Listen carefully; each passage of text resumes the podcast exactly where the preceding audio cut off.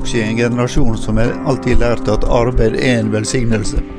Og det tror jeg faktisk eh, fullt og fast på. Så er det slik at når du eh, kommer i min alder, så kan du naturligvis velge å gjøre noe helt annet. Men eh, for meg er det slik at så lenge livet er lystbetont og det er artig å stå opp hver morgen og ta fatt på nye oppgaver og nye utfordringer, så syns jeg dette er ganske meningsfullt. Og så er det jo sånn at året tre barn eier nå 90% av selskapet, så de kan i prinsippet sende meg hjem igjen den dagen de vil. Så det blir jo spennende å se hva tid det skjer da. Han som snakker her er Per Sævik, gründer og leder for Fosnavåg-rederiet Havila. Hva som driver den kjente rederen fra Sunnmøre skal vi komme tilbake til litt seinere. Men først må vi snakke litt om skip og kystrute. For da jeg treffer Per Sævik om bord i det splitter nye skipet Kapella, ligger det til kai i Bergen for klargjøring av jomfruturen 12.12. Da starta ei helt ny tid for passasjertrafikken mellom Bergen og Kirkenes. Den kjente og kjære ruta som Hurtigruta har trafikkert i mange år, skal fra nå av hete Kystruten. Og Havila skal operere denne ruta med fire skip. Det lages jo slik at vi kunne legge inn et anbud på én pakke av de tre pakkene som myndighetene gikk ut med i eh, kystruta mellom Bergen og Kirkenes. Og vi vant da fram med fire skip. og det er nå en, en, situasjon som vi er både stolte og, og glad for å kunne komme oss inn i denne eh, bransjen. da. Hva er det som er spesielt med akkurat eh, dette skipet?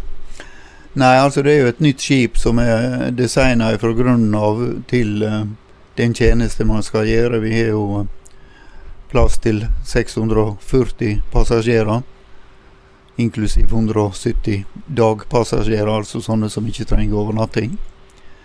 Og her er jo plass til et mannskap på 76, så uh, det er jo en, en betydelig arbeidsplass hver, hver av disse båtene.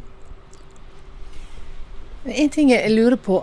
Hvordan, eh, hvordan kjennes det å komme inn og bryte et monopol? Altså bryte Hurtigruta sitt monopol, som er altså Den har vel nærmest en ikonisk status i Norge, i alle fall?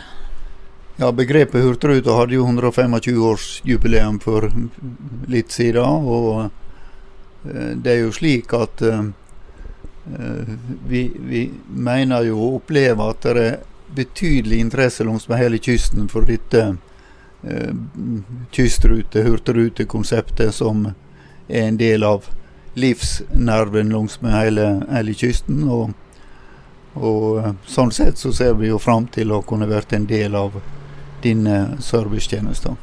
I tillegg så er det jo selvsagt slik at eh, når vi satser nå på å for dette til, så har vi også noen hotell, og det betyr i praksis at vi, eh, vi satser på reiseliv, fordi at vi tror det blir et av de eh, vekstområdene i Norge framover. Og det er en vekst som vi gjerne ønsker å være med på.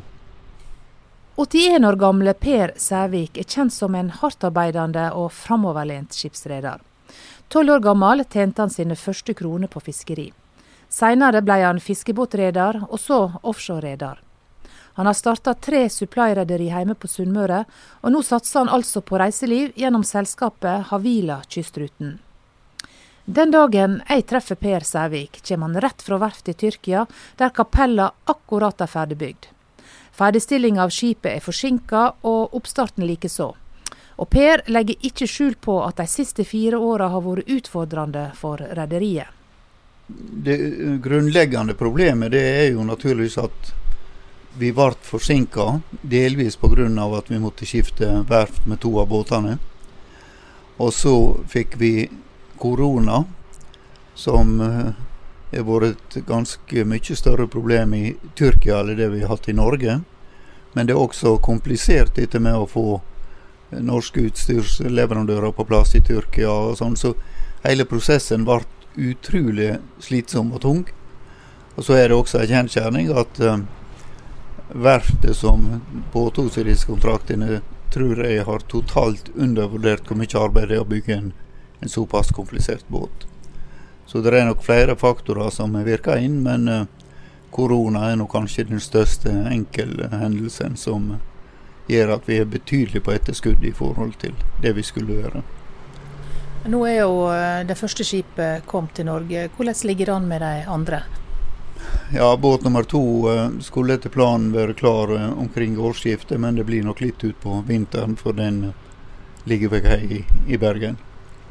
Båt nummer tre er kontraktsmessig avtalt levering i mai, og så får vi se om verftet har mulighet til å, å, greie det. Men uh, de har nå en premie hvis de greier å levere i mai, sånn at vi rekker sommersesongen i, i 22. For det er litt viktig for oss å, å prøve å klare den. Hvis du skulle tenke på en skala fra 1 til 10, hvor stor tro har du på, på prosjektet deres? Da vil jeg nok si det at jeg føler meg så trygg på det at uh, da er vi nok på tolv. hva er det som gjør at eh, du er så trygg på dette? Fordi eh, ferie og reiseliv er en vekstbransje. Og vi ser jo det at det er oppakkumulert et betydelig behov for reisevirksomhet i kjølvannet av covid. Og så er det klart at nå er vi jo litt bekymra for utviklinga med at det er stadig veldig høye smittetall i, i Norge. Så vi håper jo ikke at vi får en ny eh, nedstengning. Og vi ser jo ute i Europa at det også er problemer. Så jeg føler nok at situasjonen når det gjelder covid-19 er litt uoversiktlig. Men forhåpentligvis så er det så mange som er vaksinert seg at vi ikke får en ny nedstenging nedstengning i, i Norge. Jeg er litt nysgjerrig på hvordan skal dere jobbe for å få eh, det nye navnet da, kjent, altså Kystruta i stedet for Hurtigruta. Hvordan har dere tenkt å jobbe der? Nei, det er jo slik at Anbudet som staten utlyste, så heter det jo Kystruteanbudet. Og Sånn sett så var det jo naturlig for oss å kalle selskapet Havila Kystruten. Og eh, det har ikke vi opplevd som et problem, eh, et problem i markedet. Og det er klart at eh, vi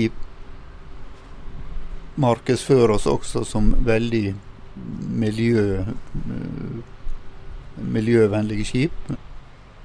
Veldig høy satsing på å gå med lavest mulig utslipp, og, og på den måten at vi er i forkant på det grønne skiftet som alle snakker om. og Få har kanskje gjort noe med dette nå, men eh, vi, vi akter å og, profitere på at vi har brukt ganske mye penger utover det som strengt tatt var nødvendig for å, å levere på de krav som lå i anbudet. Og det tror jeg vi over tid skal få god uttelling på. Du, eh, Ved siden av å være næringslivsleder, så er du trebarnsfar. Og du er også eh, opptatt av eh, religiøst arbeid. Og du er spesielt opptatt av én eh, eh, person, og det er Hans Nilsen Hauge. Hva, hva, er det med han som gjør at eh, Jeg forstår at du, du mener at vi har noe å lære av den gamle predikanten. Ja, altså Hans Nilsen Hauge i, i sin tid for Vi feirer jo 250-årsjubileum i år til hans fødsel. Men det er klart, det, hvis du ser på den delen som gikk på å skape arbeid, så var jo Hauge og hans venner med på å legge grunnlaget for 6000-7000, kanskje 7000-8000 eh, varige arbeidsplasser i en tid hvor landet vårt hadde 850 000 innbyggere. Og um, dette med haugianerbedrifter, hvis du ser på Devold i Langevåg f.eks., og og disse så var det jo bedrifter som var veldig langt framme i forhold til dette med sosiale ordninger, og, og, og tok vare på arbeidsfolket og, og, på den måten veldig bra. Så er det klart det var jo den åndelige dimensjonen også i dette som gjorde at på mange vis så ble dette en revolusjon i, i sin tid. Og svært store deler av, av landet vårt ble jo berørt av dette. Så er det et annet område som jeg sier man må også få fram når det gjelder Hauge, og det er at han var veldig tidlig ute med dette med å bruke kvinner både som forkynnere, dette med å bruke dem som ledere, Og når vi vet at dette var om lag 100 år før kvinner fikk stemmerett i, i landet vårt, så viser det med all tydelighet hvor radikale Hauge var i si samtid. Så han er på måte, mange måter en foregangsperson for det som er moderne leding i dag? Ja, det tror jeg man med rette kan, kan hevde. og det ser jo heldigvis ut for at en del av disse verdiene som Hauge sto for, eh, er kanskje i ferd med å få en, en, bedre, en bredere plass i, i samfunnsdiskusjonene, eller det som er våre siste generasjon. Så eh, jeg tror det er fortsatt en del vi kan lære av det Hauge sto for. Og så er det klart at vi kan ikke kopiere situasjonen for 200-250 år siden. Men uh, alt må jo tilpasses i forhold til den tid vi lever i, naturligvis. Og nå sitter vi i et uh, topp moderne skip som snart har avgang fra Bergen. Hva er det du gleder deg mest til uh, med, med at dere nå kommer i gang? Nei, altså Det vi gleder oss mest til, tror jeg, med hele organisasjonen, og inklusiv meg sjøl, det er naturligvis at det skal være en gledens dag den dagen vi, vi går ut fra Bergen på første tur nordover kysten. Så det, det, er en milepæl. Men det er også en milepæl at vi kom til Bergen i går kveld, og, og på den måten har fått testa ut båten både i, i storm og, og, stille på vei fra Tyrkia opp her. Så gikk det dessverre noen få dager lenger enn vi hadde planlagt på seilasen, og dermed så måtte vi flytte første avgang fra 1. til 12. desember. Så da kan en håpe på at en kanskje får fint vær nordover også?